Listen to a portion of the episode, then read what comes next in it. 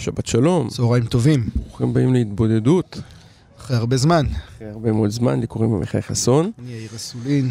אנחנו נעשה ספוילר ונגיד שזה התוכנית האחרונה שאני משדר איתך, עוד נכון. נדבר על זה לאורך נכון, ילווה אותנו לאורך השעה האחרונה, אבל אה, יש לנו המון חדשות מעבר לזה שסוף סוף אה, הדלקתם את הרדיו באחד וגיליתם שהתוכנית לא משודרת בשידור חוזר, אלא כן. בשידור עדכני. אבל אנחנו גם נדבר על השינויים והדברים. אה, בכל מקרה... אבל כן נגיד שזה באמת תוכנית אחרונה שאתה מקליט איתנו, ההתבודדות ממשיכה, וגם אתה, אני מאמין שתחזור עוד איפשהו עוד בהמשך השוב, הדרך, עוד השוב. אבל אה, כן, לעת עתה. אז אנחנו יודעים, גם אם איזשהו ניסיון לסכם אה, חמש שנים, חתיכת, חתיכת זמן, חתיכת חברותה, חשבתי על זה שבמונחי ישיבה זה כבר, זה מסלול שלם של הסדר חמש כן, שנים. כן, עשינו, סגרנו תוכנית. סגרנו תוכנית. אה, אז קצת ננסה לדבר על זה וגם לחזור איכשהו אפילו לתוכנית הראשונה, אבל רק נגיד, אני חושב, כאילו חשבתי על זה בדרך לפה, שה... כאילו השיח הזה בינינו מסתיים ברגע שבו הרבה זרעים שזרענו לאורך הדרך, ממש כאילו אתה רואה אותם עכשיו במציאות. הרבה דברים נראה לי ש... כשדיברנו עליהם פה, כל אחד מהצדדים שלו, על, ה... על הפוליטיקה ועל החברה ועל התהליכי עומק ועל ההונאות העצמיות ועל העיוורון, כאילו יש משהו ברגע המסוים הזה. בסיפור הישראלי ונראה לי גם בעולמי, שהרבה דברים מתבררים. זה כאילו סתם, זה רגע מעניין לסגור אל מול ההבשלה המפחידה והמרגשת והמאיימת והטרגית והמלאת הזדמנויות שקורות כרגע בחוץ.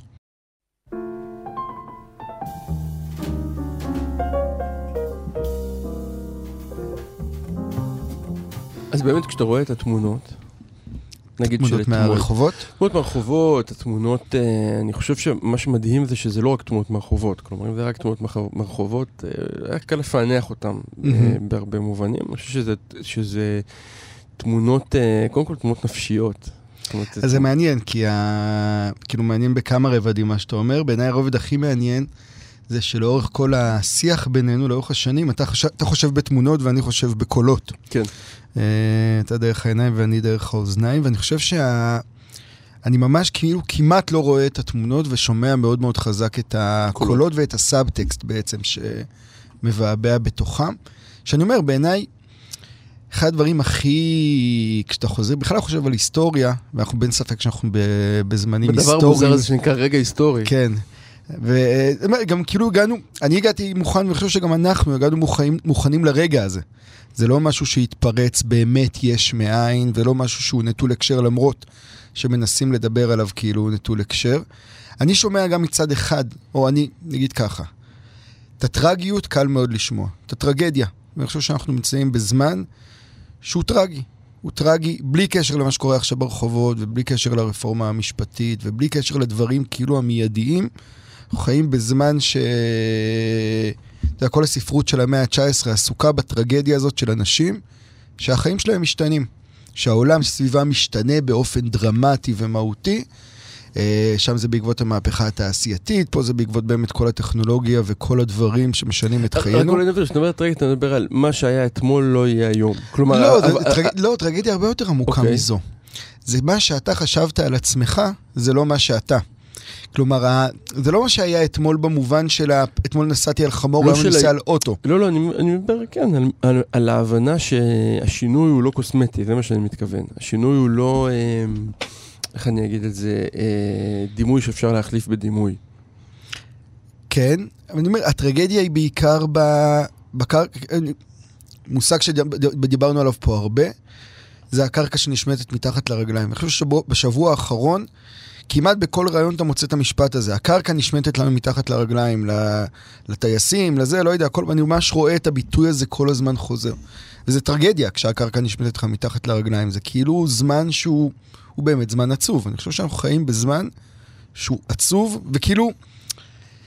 תמיד השיחה הרי מתחלקת, למה אני אומר את זה? כי השיחה מתחלקת למי שרואה רק את הזמן העצוב, לבין מי שרואה כאילו את הפוטנציאל הענק שנמצא בזמן הזה. ואני חושב שהפיצוח הוא בחיבור בין שנינו. אתה שואל אותי מה אני שומע נגיד עכשיו ברחובות, ובכלל אני שומע מאוד מאוד חזק את הטרגדיה, אבל אני חושב שיש גם קולות שמבינים את ההזדמנות. כלומר, זה הערבוב הזה האירוני, לא יודע מה, אירוני זה תמיד נשמעת לי מילה רכה כזאת, כן? אבל זה באמת איזו אירוניה קוסמית כזו של הקדוש ברוך הוא, לא יודע. של מי שכאילו תמיד מצמידים בין הטרגדיה לבין ההזדמנות. אז שם אני נמצא. אני מפחד שההזדמנות הזאת אה, תהפוך לטרגדיה גם כן. כלומר שגם הזרעים הפוטנציאליים לשינוי, לסיפור חדש, לאיזשהו, אה, אני יודע, אופק, אופק משותף אה, ללכת אליו. אני אגיד את זה אחרת. אתמול היה את הפיגוע mm-hmm. בדיזינגוף, ואני מודה שהמחשבה הראשונה שעברה לי בראש, לא, לא, זאת אומרת, אתה יודע, זה פושים כאלה, אתה לא בדיוק יודע מה קורה וזה, פחדתי שמישהו ירה במפגינים. כן. ופחדתי שמישהו ירה במפגינים מעבר לטרגדיה הבסיסית של חיים שנלקחים ו- וכולי. יש אירוע כזה, אירוע שיכול להסיט את כל ה... או בכלל, אנחנו, אנחנו פשוט מכירים כמה אירועים לכאורה, לא, לא הדברים הגדולים, mm-hmm. אלא אירוע שהוא כמעט, אה, כמעט שרירותי, כאן ולא אחרת, יכול לשנ... להניע את הספינות האלה למקומות אחרים, אולי מקומות שחוזרים אחורה, אולי מקומות שאנחנו לאו דווקא רוצים להגיע אליהם. ואני, החשש שמלווה אותי לאורך כל החודשיים האלה בערך, שיתרחש איזה מין אירוע כזה. אירוע שאחריו אה, נאלץ לסמן איזשהו קו, שהוא לא קו עקרוני, כי הרי אירוע כזה, מה שאני מנסה להגיד, שהוא שרירותי במובן הזה שהוא לא קשור לסיפור הגדול, הוא לא קשור לתנועה הגדולה, אבל יש בכוחו לשנות. זה כאילו, ה, אתה יודע, הירייה הזאת בסרייבו, ש, שמתחילה את מלחמת העולם mm-hmm. הראשונה. באמת אירוע לא כל כך דרמטי כשלעצמו, אבל כאילו האדוות שלו יכולות להתפתח למקומות מאוד מאוד לא טובים. אז אני, אני מרגיש גם כאילו יש משהו ב...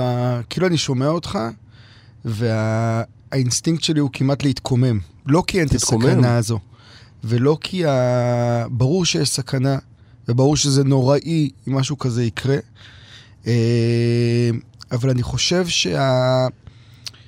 יש משהו שמצמצם אותנו לאירועים נקודתיים, שכן מחמיץ את המהלך הגדול, אגב, שיכול, צריך להכיר, שוב, בזה שאתה מכיר בזה שהזמן הזה הוא טרגדיה גם, אתה, לא, אתה מכיר בהגדרה בזה שאנחנו כנראה נגיע למקומות גרועים. אני חושב, כאילו, ההסתכלות שלי כרגע על מה שקורה, וזה לא משנה, בעיניי זה כמעט לא משנה אם המחאה תצליח או לא תצליח. יש פה באמת מלחמה עמוקה ויסודית, ואולי אחרי זה עוד נקריא איזה משהו, אה, על כוח ועל שליטה.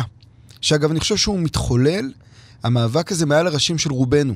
רובנו לא במאבק הזה. רובנו... לא במאבק של הכוח? אנחנו לא במאבק של הכוח. המאבק של הכוח מתקיים בעיניי בין אה, שני, כרגע, שני כוחות שיש להם אינטרסים שלהם, שזה לא האינטרסים שלנו ש- כ... ש- מי הם הכוחות האלה? אני חושב שיש סדר ישן מאוד מאוד חזק, שהוא בנוי, רק אתמול התפרסם שבנק הפועלים הרוויח 6.5 מיליארד שקל השנה, עלייה של 30 אחוז משנה שעברה, כן? טוב. למה הוא הרוויח כל כך הרבה? בגלל שבנק ישראל העלה את הריבית, אבל הבנקים לא... לא, לא, לא תרגמו לא את זה תרג... לציבור. לא תרגמו, כן. אבל רק לצד הרע. כן. העלו לחייבים, אבל לא העלו לחוסכים. ומערכות הכוח האלה, הפיננסיות, החברתיות, ההון הסימבולי, כל מה שתשתית חברתית שנוצרה, אנחנו חיים על תשתית חברתית שבאמת נוצרה במאה ה-19, והיא מתקיימת והיא חזקה, אל מול מערכות כוח אחרות שמנסות להשיג את אותו כוח, אוקיי? אני לא חושב שמהצד השני, וזה, בעיניי יש פה, אנחנו בזמן מאוד בודד להרבה מאוד אנשים, כי אני לא חושב שבצד השני יש מי שחושב על האזרחים באמת. יש כרגע ניסיון להעביר כוח מצד לצד. או שיש לו הצעה אחרת עקרונית לדיון. כן, אין לו. אין לו כאילו... זה לא ה... יש... אגב, ואנחנו נמצאים באמצע, אגב, היסטורית זה תמיד קיים. סליחה שאני קוטע אותך, אבל אנחנו רואים את זה נורא חזק בדיוק ב... במקום אחר, בהקשר אחר אני אומר את זה, אבל אה, אתה יודע, כל המילים הגבוהות של אה, מלחמה בטרור שנאמרו לפני שנה, הכוח כן. עבר לצד השני, ומה קורה? כלום ושום דבר, אותו דבר. לחלוטין. אני אומר, זה גם, זה אין, כבר כמעט אין אפילו יומרה למשהו אחר. אתה מבין כן. שזה כאילו מאבק כזה על כוח. עכשיו, אני חושב שבאמת, הפוטנציאל, וזה תלוי הרבה בנו, וזה תלוי ביכולת שלנו לפתח איזו יכולת של הסתכלות מורכבת, היא בהכרה שאנחנו, שהמאבק הזה הוא לא שלנו, של האנשים שחיים את החיים, ששולמים את המיסים, כל האנשים שעכשיו נאבקים. אתה יודע, כאילו אני רואה, אנחנו נדבר בהמשך על עגל הזהב, על פרשת השבוע, אתה רואה איך מקדשים דברים שפעם חלק גדול מהאנשים היו סולדים מלקדש אותם, אוקיי? לקדש את מערכת המשפט. אני לא מקדש את מערכת המשפט, היא מערכת פרקטית, כמו שלייבוביץ' אמר, דמוקרטיה היא שיטה טובה להעברת שלטון. זה מה שאמור להיות. ואנחנו מקדשים כל מיני מנגנונים כאלה באיזושהי... כאילו התחפרות פנימה, כי אתה עכשיו עומד אתה במתקפה. מול איום, אתה כן. במתקפה או במגננה, ואתה בעיקר באשליה שאתה שוקע. כלומר, הדימוי שאני הולך איתו מאוד מאוד חזק מתחילת הסיפורים, ואני כותב עליו כל הזמן, זה הדימוי של אוטו שתקוע בבוץ, והאינסטינקט שלך הוא ממש לתקוע, לתת גז מאוד מאוד חזק. להתחפר. ואז אתה, אם אתה, אם אתה הולך עם האינסטינקט הזה, אז אתה מתחפר. אבל גם אם אתה לא הולך עם האינסטינקט, אתה שוקע פנימה, כי האוטו נמצא בבוץ. כלומר, יש את היכול, האתגר, האפשרות היחידה שלך היא לנסות לצאת מהאוטו ולהביא איזה מנוף שאולי ימשוך אותך, או איזה כוח חיצוני כביכול. וזה אתגר שהוא הוא לא אינטואיטיבי. אני חושב שכרגע, ה- הדבר שאני רואה אותו כאילו, אני מרגיש אותו מאוד מאוד חזק, שהאינטואיציות לא עובדות. או לא, האינטואיציות הראש, שהתרגלנו לחשוב דרכם, הן לא רלוונטיות כרגע, ואנחנו כאילו נתקעים. זה הדבר הכי טרגי שאמרת מתחילת השיחה, אני חייב להגיד. זה, זה, זה, זה חלק מהאדמה, זה בדיוק האדמה שנשמטת מתחת לרגליים. מה זה האדמה לא, מתחת כי לרגליים? הדבר היחיד שנותר לך לסמוך עליו בזמנים כאלה זה זה האינסטינקט. ואם אתה אומר, גם האינסטינקט כרגע באיזה ורטיגו כזה ולא מסוגל לתפקד, אה, לקחת את ה... אתה יודע, את שיטת הפעולה ה- אז בדיוק, העקרונית בדיוק הש- למצבים כאלה. השבוע, השבוע דיבר איתי מישהו שהוא הוא פרופסור שתחום המחקר שלו הוא התמודדות במצבי לחץ. והוא אומר שהכלל הראשון בהתמודדות במצבי לחץ זה שבניגוד לאינסטינקט שצריך לעשות הכל מהר, זה לעשות הכל כמה שיותר לאט, פשוט להאט את עצמך בצורה דרמטית. וממש למה? לפעול. כי הוא אומר שבגלל שאתה בתוך הלחץ ובתוך התחושה שאתה קורס, אז אתה לא תתפקד טוב. אז אתה צריך ממש לבחון כל פעולה שאתה עושה, לעצור, לשאול אותך, היא טובה, היא לא טובה, מה המטרה שלי, מה היא משרתת, מה אני רוצה להשיג ממנה. ככה ממש צעד אחרי צעד, ממש כמו באמת יציאה מאיזה, כמו הליכה בשדה מוקשים, אוקיי? הדבר הזה, אם אתה, בשדה מוקשים, אם אתה תפעול על פי האינסטינקטים שלך, כנראה אתה תתפוצץ מהר מאוד. אתה אומר את זה ללוחם בחיל ההנדסה הקרבית אה, שהסתובב עם הדקר. כן. אוקיי, אז כן, אני אומר, יש. משהו בדבר הזה, להסתובב עם הדקר זה דימוי מדהים בעיניי. זה ממש זה. כאילו אם אתה שואל אותי מה תוכנית הפעולה, זה בדיוק זה להסתובב ולדקור ולראות, רגע, זה מתפוצץ, זה לא מתפוצץ, אני טוב, אני לא טוב, איפה אני עומד, מול מה אני רוצה, לאיפה אני רוצה להגיע. וזה, שוב, זה כאילו הדבר שהכי קשה להגיד אותו כרגע, כי אין לו סיכוי להישמע בכלל בתוך, בתוך כל הרעש העצום הזה. אפרופו שמיעה.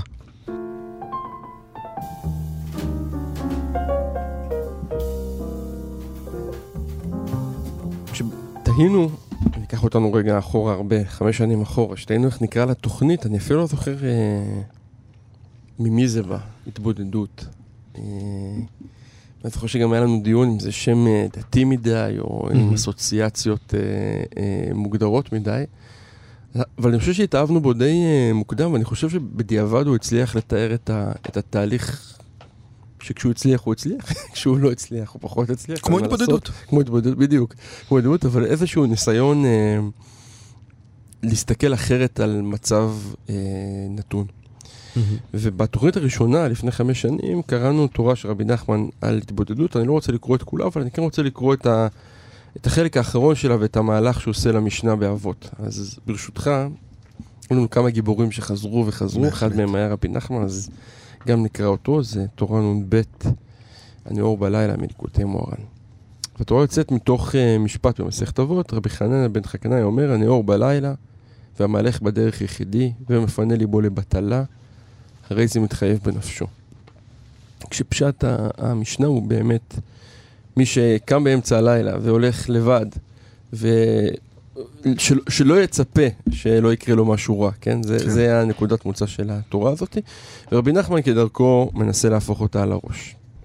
אחרי שהוא נותן פה הקדמה ארוכה שאנחנו לא ניכנס אליה, אני רק רוצה לקרוא את הסוף. שזה בעצם הפרשנות שלו, של אה, איך הוא תופס את המשנה הזאת. והנה תראה פלאי פלאות, איך זה מבואר עתה בהמשנה הנ"ל באר היטב. וזהו הנאור בלילה, כפשוטו. דהיינו שהוא נוער בלילה, הוא, הוא מתבודד ומפרש שיחתו בינו לבין קונו. והמהלך בדרך יחידי היינו כנ"ל, שהולך בדרך יחידי דייקה, במקום שאין בני אדם הולכים שם כנ"ל. כי אזי הוא עיקר שלמות ההתבודדות בלילה ובדרך יחידי דייקה. כי אז דייקה יכול לבוא להיות בבחינת ביטול כנ"ל. זהו מפנה ליבו לבטלה, דהיינו שמפנה ליבו מכל עסקי העולם הזה לבטלה, כדי לזכות לבחינת ביטול כנ"ל. ואז זוכה שיכלל נפשו במחויב המציאות, ואז נכלל את כל העולמות עם נפשו במחויב המציאות, והרי זה מתחייב בנפשו, שנכלל כל העולם בבחינת מחויב המציאות עם נפשו. על ידי התבודדות זוכה לבחינת ביטול, עד שנכלל נפשו בחיוב המציאות, ועל ידי זה נכלל כל העולם עם נפשו בחיוב המציאות. ונעשה נפשו וכל העולם בבחינת מחויב המציאות, וזהו הרי זה מתחייב בנפשו. ויש פה תוספת, המלך בדרך יחידי, הנאור בלילה, דע שעיקר הביטול שאדם יבטל ישותו ונעשה עין, ונכלל באחדות השם יתברך, אין זה על ידי התבודדות. וההתבודדות צריך מקום וזמן מיוחד, ושלא יבלבלו, יבלבלו אותו המונעים. והזמן הוא בלילה, היינו הנאור בלילה, שאז הכל ישנים. והמקום הוא בדרך יחידי ולא בדרך הרבים. שלא יפסיקו עוברי הדרכים, אלא דייקה בדרך שאין רבים הולכים שם. שם ילך ויתבודד. והיינו המהלך בדרך יחידי ואז יכול לפנות ליבו מכל בכל, ויכול לבוא לבטל את כל הישות, והיינו מפנה ליבו לבטלה, אז שנתבטל לגמרי. אז הוא נכלל באחדות השם יתברך והוא בא לידי בחינת מחויב. כי הקדוש ברוך הוא מחויב המציאות, וכל הדברים האחרים אפשרי המציאות. ושנתבטל ונכלל באחדותו, אז זה יוצא בבחינת אפשר ונתחייב במחויב, וזהו, הרי זה מתחייב בנפשו. רציתי לחזור אה, אה, לתורה הזאתי, כי כשקראנו אותו פעם ראשונה לפני חמש שנים היה לי נורא קל לעשות את זה. באמת. את, במובן... ה... את, ה... מה, את ההתנתקות הזו. כן, את ההתנתקות, את היכולת כאילו... הרי בסוף, שוב, אנחנו, אנחנו... זה עולם של סימונים, אבל הרעיון הזה שאתה צריך ללכת דווקא אל המקום שבו אנשים לא הולכים. ודווקא בזמנים שאנשים לא נמצאים בו. ודווקא מתוך המקום הזה להסתכל בחזרה אל תוך עצמך והחוצה, mm-hmm. ולפנות את עצמך מכל המניות האלה במובן הכי בסיסי, מכל הנקודות המוצא וההנחות וה... אה, אתה יודע, השק הזה שכל אחד בא, בא מאיתנו כשהוא פותח את הבוקר ואומר שלום, אני כבר התחלתי עם איזשהו שק. Mm-hmm. והתהליך של ההתבודדות שקסם לי כל כך וקוסם לי עדיין, הוא איזושהי הזדמנות להשליך מעצמך את כל הדברים האלה. ולנסות ולהסתכל על זה מחדש, ואני חושב שלפעמים הצלחנו באמת לעשות את זה בתוכנית, לפעמים פחות. אבל אני, אני כן שמתי לב שככל שהשנים עברו, נהיה לי יותר ויותר קשה לעשות את זה. כאילו הקיבעונות שלי, או נקודות המוצא שלי, או הטעם, אפילו הטעם הבסיסי, במובן של מה, מה אני אוהב ומה אני לא אוהב, mm-hmm. אה, כאילו נעצר, כאילו התעצב. והיה לי הרבה יותר קשה לבצע את הפרקטיקה הזאת של ההתבודדות, שוב, לא במובן הברסלברי, אלא במובן, אני מתרגם פה את רבי נחמן לחיים שלי, אלא במובן הזה של להשליך מעצמי את הדברים ו- ולהתבודד באמת ולנסות לתקוף את כל הדברים שמעסיקים אותי ביום-יום ממקום יותר נקי, או ממקום שמוכן לעמוד על הראש ולא רק על הרגליים. ואני כאילו רוצה כזה לצאת באיזה ברכה, לא יודע. דווקא בזמנים המשונים האלה. אז אני, אני כאילו... אני חושב שזה... שוב, אם אני חוזר לאירוניה הזו, אז אני חושב שלפני חמש שנים שהתחלנו, לפחות עבורי, ה... הקריאה הזאת הייתה, הייתה ברורה והיא נכונה, אבל הייתה בבחינת משהו שהוא אקסטרה. כאילו כשאנחנו יצאנו את המסע הזה של התבודדות, או בכלל כשאדם יוצא להתבודדות כביכול, זה נתפס כאיזה אקסטרה של הקיום. יש את הקיום ויש איזה אקסטרה כזה שאתה יוצא ואתה מנקה את עצמך. והוא, אני אגיד אפילו בסוגריים, הוא קצת כמו שתרבות נתפסה פעם. כאיזה משהו כזה, נו, ערך, איזה אקסטרה כזה של החיים. ו- בדיוק, ואתה כן. בערב יוצא לראות הצגה. או אפילו אם אתה צרכן תרבות משמעותי, אז אתה צורך את התרבות, אבל היא לא פוגשת, היא לא קריטית. ואני מרגיש שה... היא לא אוכל. כן. היא לא כלי להישרדות נגיד אפילו. כן. ואני מרגיש שמה שקרה בחמש שנים האלה, וזו תמונת מראה להתקבעות אגב, זה שזה הפך להיות הדבר הכי קריטי. כאילו אם אני חוזר לדימוי הזה של שדה מוקשים, זה בדיוק ה-state of mind שרבי נחמן מדבר עליו. אתה רוצה לשרוד את השדה מוקשים הזה, תעצור, תנקה את עצמך, עונה עצמית שסרטר מדבר עליה, עוד גיבור שחזרנו אליו פה לא מעט בשנים האלה. אה, תעשה את זה כדי לשרוד. כלומר, זה לא הדבר הזה שאתה... אגב, נגיד אפילו משהו על, ה... על האכסניה, על כאן תרבות. אני חושב שבשנים האלה, מאז שכאן תרבות קיימת, אנחנו משדרים ממש מההתחלה. אתה מבין שמרחב כמו כאן תרבות הפך להיות למרחב קריטי לחברה. זה לא איזה שוב איזה משהו ששוחרי אקסטרה. תרבות אה, נחשפים אליו, אלא באמת אני חושב שהמחשבות שעברו בתוכנית פה ועוברות במרחבים אחרים, שנעזרים בתרבות, הופכות להיות מחשבות מאוד מאוד חשובות כדי לשרוד. כלומר, אם אתה שואל את עצמך, איך אני שורד בזמן הזה, התבודדות בעיניי היא כלי מאוד מאוד חשוב כדי לעשות את זה. כן, המתחייב בנפשו, לא סתם אני חושב גם רבי נחמן מתחבר לזה דרך המתחייב בנפשו, כי, זה, כי, כי על זה אנחנו מדברים, על חיים ומוות. כאילו, בזמנים באמת קיצוניים, היכולת להתבודד, היכולת להתנקות, היכולת לבטל את עצמך וכאילו להיות, אתה יודע, איזה, כאילו מפענח, אה, כאילו בלעדיה, הסיכוי שלך לשרוד, הוא כאילו, זה בדיוק העניין. אם אתה לא תעשה את זה, הסיכוי שלך, אז אתה באמת מתחייב בנפשך. ועדיין, זה נורא, נורא קשה. נורא קשה. נורא קשה. אני אומר, זה לא רק שזה נורא קשה, אתה אמרת משהו יותר עמוק. ככל שזה נהיה יותר קריטי, ככה זה גם נהיה יותר קשה. קשה. כאילו, ככל שאתה מרגיש שהקרקע נשמטת לך מתחת לרגליים, שאתה מאוים, שאתה מותקף, שדברים שחשבת על עצמך כבר לא עובדים לך, אתה נכנס ללופ הזה, אז זה נהיה קרי, הכי קריטי לעשות את זה. יש את ה... יש... אה, קראתי לא, לא מזמן, ספר שמתאר את ה... גם חוזרים לזה הרבה פה, את המהפכה של איינשטיין. אבל מנקודת מבט של אה, חוג, אה, איך זה, איך הם קראו לזה? חוג שומרי ניוטון או משהו כזה, חבורה של בריטים. חוג אה, שומרי ניוטון? לא, לא, לא יודע אם זה, אוקיי. לא, לא את המונח המדוזה, אבל זה כאילו, אולי אגודת, אגודת אה, הפיזיקאים, ניוטון או כזה, הניוטונים. וזה מתאר שם, יש שם איזה בחור שהוא בסוף עזר לאיינשטיין לנסח את המתמטיקה במתקפה שלו על ניוטון, והם ממש מתארים שם את, ה, את חוסר היכולת לקבל, לקבל את המהפכה הזאת של איינשטיין. חוסר יכולת הפנימי העמוק, כן? כי מה זה אומר עלינו? מה זה אומר על הפיזיקה? שלנו, מה כן. זה אומר על הקיום? וכאילו דווקא ברגעים האלה, כשפתאום יורד איזה אור חזק משמעותי, האתגר הזה, שהוא גם אתגר בודד, כן? אפרופו התבודדות, הוא בדיוק להכיל את ה... לעשות את ההתנקות הזו, ואין ספק שזה קשה מאוד.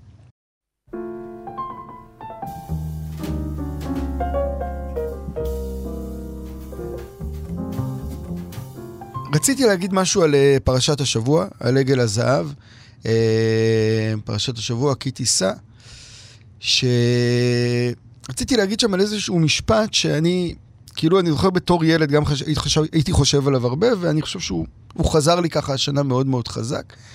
וזה שבתוך כל התהליך הזה של העגל, רגע אחרי שהם שמעו את אלוהים מדבר, וכל הדבר הזה שמשה עולה לשמיים והם עושים את העגל ורוקדים סביבו, יש את המשפט הזה שבעיניי הוא המשפט, אה, שנגיד ככה, מפוצץ לקדוש ברוך הוא את המוח, וזה, וזה המשפט הזה שהם צועקים, אלה אלוהיך ישראל. ואני חושב שכאילו מעניין להסתכל על המשפט הזה, דווקא מנקודת המבט למה שקורה כרגע. ומה זה המכניקה הזאת של עגל זהב, ולמה, כאילו, למה זה דבר שה... שלא, אי אפשר לקבל אותו בעצם. או יש איזה ממש, זה הקו האדום הכי מוחלט אולי שהתורה מסמנת על משהו. ואני חושב שהוא כאילו נובע מהמקום שבו, כל עוד נגיד אתה, לא יודע, עשית עגל ואתה רוגד סביבו ואתה מאמין שהעגל הזה הוא משהו, או שהוא ייצוג של משהו. הוא כלי שלך להגיע לאלוהים, הוא כלי שלך להגיע לכוחות הטבע. אני חושב שהתורה הרבה יותר סלחנית כלפי אנשים, היא לא מסכימה איתם וזה, אבל אנשים שחושבים ככה. אבל ברגע שאתה לוקח תוצר אנושי, שבני אדם יצרו אותו בשביל עצמם, מתוך כל מיני סיבות רגשיות, נפשיות, אבל בעיקר סיבות זמניות, וקורא לדבר הזמני הזה אלוהים, שם מתחיל האסון. האסון האמיתי, כאילו ה... אני חושב באמת על מה שקורה היום, כן, על המחאות וכולי. ברגע שאתה לוקח מדינה, כן, הרעיון הזה של מדינה, שהיא בסוף תוצר שלטוני שבני אדם המציאו אותו, סדר חברתי המציאו אותו מסיבות מסוימות. היו נכונות מאוד לזמנן לדעתי, פחות נכונות היום. אפשר להזכיר שוב את האמירה של עמוס קינן, שגם אותו הזכרנו פה, שמה זה מדינה? זה דגל, נכון. מכס ובית סוהר. ובית סוהר, נכון. או מבחינה, באמת הציטוט הזה של לייבוביץ', שבסוף דמוקרטיה זה מנגנון להחלפת שלטון. אה, אתה רואה עכשיו את העניין הזה עם הדגל, כן, על מה, אפרופו לייבוביץ' והתארים שהוא נתן לדגל, ושאתה לוקח את הדברים האלה, שהם באמת הכי אנושיים, במובן, ה... לא במובן הבזוי של המילה, אבל במובן המאוד זמני של המילה, ואתה מרומם אותם לאיזה רמת נצחיות, כאילו, אני חושב ששם יש זרעי פורענות שהם מפחידים, הם באמת מאוד מאוד מפחידים. כלומר, הדבר הזה שבו אתה לוקח עגל וצועק לו, אלה אלוהיך ישראל, זה המקום שבו העיוות הכי גדול נוצר. אני, אני שומע אותך ואני אני מאוד מבין למה אתה מתכוון. אני גם חושב שאני מסכים אה, עם עיקרי הדברים, אבל אני חושב שאתה עושה אה, חיים קלים לעצמך בהקשר הזה. כי המנגנון הזה הוא אומנם יחסית חדש, ואומנם אין בו קדושה כשלעצמו, והוא באמת מנגנון, הוא פלטפורמה. אני שוב חוזר למה שאני אמרתי, mm-hmm. של הפחד שלי שאירוע אחד קטן יכול אה, לבטא... כלומר, uh,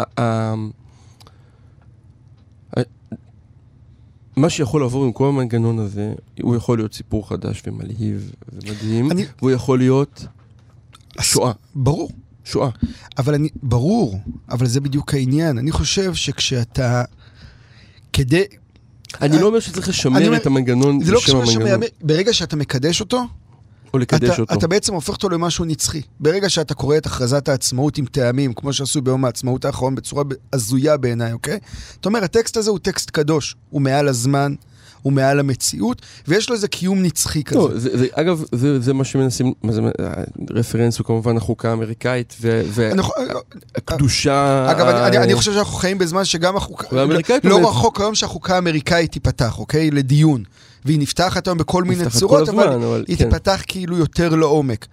אבל ברגע שאתה לוקח את הדבר הזה, וזה אני חושב הנקודה החשובה, ואתה מרומם אותו מעל הזמן, מה שעשית זה בעצם סתמת את העיניים מללכת לכיוון ההזדמנות, וממילא אז יבוא האסון הכי גדול. כלומר, אם אתה מסתגר, זה קצת כמו, אתה נכנס לאיזה מקום שבו אתה, זה כמו לשחק בונקר, אבל בצורה מוחלטת, הסיכוי שלך לנצח הוא קלוש. כן, ורוב הסיכויים כנראה שתפסיד. אה, ואני חושב שזה הדבר שהוא... אנחנו, כאילו, זה ההתחפרות הזאת בבוץ שאני מדבר עליה. כלומר, אפשר להגיד, הדברים האלה מאוד מאוד חשובים, הם חשובים לחיינו, הם עשו דברים עצומים ואדירים, אבל ברגע שאתה עושה את הקפיצה הזו, מעגל שבנית, ואתה אומר, העגל הזה הוא מצידי ייצוג לאלוהי השמש או ווטאבר, ברגע שאתה עושה את הקפיצה ואתה אומר, זה אלוהים בפני עצמו, שם לדעתי איבדת את היכולת שלך לייצר את האלטרנטיבה של עצמך. ואגב, כשמסתכלים על חורבנות, גם, גם בסיפור היהודי, אבל לא רק, אז מי שהציל תמיד את הסיפור זה הדמויות האלה, רבן יוחנן בן זכאי, עוד אורח שלנו פה בזה, זה היכולת הזו לבוא ולהגיד, תן לי יבנה וחכמיה, כן? נגמר שכתבתי את זה שבוע אחרי הבחירות, שכרגע האתגר הוא לתת, לייצר יבנה וחכמיה. אה, אולי אפילו מתחבר למה שאתה קצת סיפרת לי שאתה עובד עליו עכשיו בניו יורק. אבל, אבל היכולת הזאת לייצר יבנה וחכמיה ולייצר אלטרנטיבה תלויה בהבנה שאפילו בית המקדש, אוקיי? ואפילו הייצוגים הכי מקודשים הם זמניים, כי הם לא אלוהים. וברגע שאתה לוקח את העגל הזה, צועק, אלה אלוהיך ישראל, שם הפסדת בעיניי. טוב, רק, רק נגיד בהערת סוגריים, שאלפיים שנה אחרי רבי חנון בן זכאי, אה, הדיבור המקדשי או היהדות הפולחנית מנסה לעשות את החזרה שלה למשחק, אבל... כן, וגם זה, לא, וגם זה כאילו, זמני. אבל, כאילו, אבל עכשיו כאילו מיקמת את זה על הציר הפוליטי, כאילו. לא אני, אני, מה, שאני, מה שאני אומר, אומר פה... אני אומר שתכונות ורעיונות לובשים ופושטים צורה כל הזמן, זה מה שאני... לחלוטין, בגלל זה אני אומר שהמהות הזאת של חטא העגל היא מהות מאוד מאוד עמוקה שהיהדות הביאה. היא אמרה דבר מאוד מאוד פשוט, אוקיי? אלוהים זה אלוהים, אל תכניס אותו פנימה, הוא נמצא שם בחוץ, כאילו. וזה אגב, עוד סוגריים על הדבר הזה, היציאה נגד שפינוזה וכל... יש משהו ביהדות שהבין את הדבר הזה מאוד מאוד חזק. אגב, גם את השנאה, השנאה של היהדות למלכות ולכוח, סביב אותם uh, מקומות. זה הרבה מעבר לפוליטי. זה, אני חושב, עומד במקום שבו אתה... קשור אגב גם לפרויקט uh, של המאה ה-19, של להעמיד, להפוך את המדינה לאלוהים, אוקיי? מדינה היא לא אלוהים, היא דבר שצריך כל הזמן לבחון אותו, ואני אני כאילו כן חושב, כל, אני כותב את זה על ה... אפשר באמת להגיד אין לי ארץ אחרת, כי ארץ זה דבר שקיים, אבל מדינה אחרת יכולה להיות כל הזמן, ואם אין אפשרות למדינה אחרת, אז אין טעם.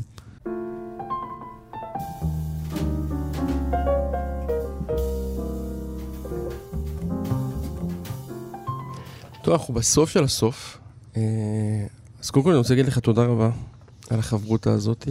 היה בתוך, נעוצה לי חמש שנים בתוך לוח הזמן, ואני מרגיש שלמדתי המון, והיה לי מאוד מעניין וכיף. אז תודה רבה. אני גם רוצה להודות לנדב אלפרין שערך והפיק אותנו לאורך כל הזמן הזה, הוא נשאר איתך, אבל אני, mm-hmm. אני מודה לו uh, מכאן. ואני בעיקר רוצה להודות uh, לקבוצת המאזינים הקטנה, האיכותית שלנו. Uh, והנאמנה. והנאמנה, ולא דיברנו עליה הרבה ולא התייחסנו אליה מספיק, אני מרגיש ככה בהלקאה קטנה. אה, התגובות שלכם היו מאוד משמעותיות עבורי, עבורנו. אני מרגיש שה... החל מתיקוני הלשון האינסופיים שקיבלתי בהודעות uh, באינבוקס בפייסבוק, ועד uh, הערות יותר משמעותיות שהתנגדו או הסכימו או התווכחו עם הדברים שנאמרו ועם הטקסטים שהבאנו, אה, יש תחושה נורא חזקה בזה שיש הד לדברים, שהם לא, שהם, גם אם ההד הזה הוא לא עכשיו אה, כיכר העיר, אלא באמת מרחב יותר אה, מצומצם, אבל שהדברים נאמרים ומישהו מאזין ומגיב ומקשיב, ומשתף, ואני חושב שזה לפחות היה drive שלי, לבוא לפה אה, שבוע אחרי שבוע, משהו שהוא לא כל כך פשוט למי שיודע במה זה כרוך. אז תודה רבה לכם. אז אני גם רוצה להגיד לך ממש תודה על השיחה, על החברות, על העמקה וגם על ה... איזה נכונות כזו באמת כאילו לשקוע פנימה ביחד, שאני חושב שהוא לא, הוא לא דבר טריוויאלי. זה לא דבר טריוויאלי מה שיצרנו פה, ובאמת, בהגות המשותפת, אני חושב שיצרנו פה בתוך, ה, בתוך השיחות האלה. אני כן אגיד אה, שאני חושב שאני מאוד שמח שהמרחב הזה ממשיך ומתקיים. תגיד איזה משהו. ויתקיים בהמשך. זהו. אני אגיד שאנחנו כרגע נצא לאיזושהי תקופה קצרה של מגישים מתחלפים, מתוך שאיפה לייצר חבורה חדשה ומשמעותית. אני חושב שבאמת אין תחליף להתבודדות כרגע. גם לתוכנית, אבל גם ל state of mind הזה, שבו אנחנו שואפים לברר את המציאות לעומק, בין כל ה... הרוב הבודד, אני קורא לו, שהוא באמת ה... המרחב הזה ש... שבודד, שמחפש את המורכבות, שמבין שהדברים נמצאים יותר לעומק ושיש להם שורשים מאוד מאוד עמוקים. אנחנו נהיה פה גם שבוע הבא אה, באותה שעה, אה, ואתם מוזמנים להצטרף אלינו ו... וגם לכתוב ולהציע שמות שלדעתכם אנשים שרלוונטיים להיכנס לתוך המסע הזה של התבודדות.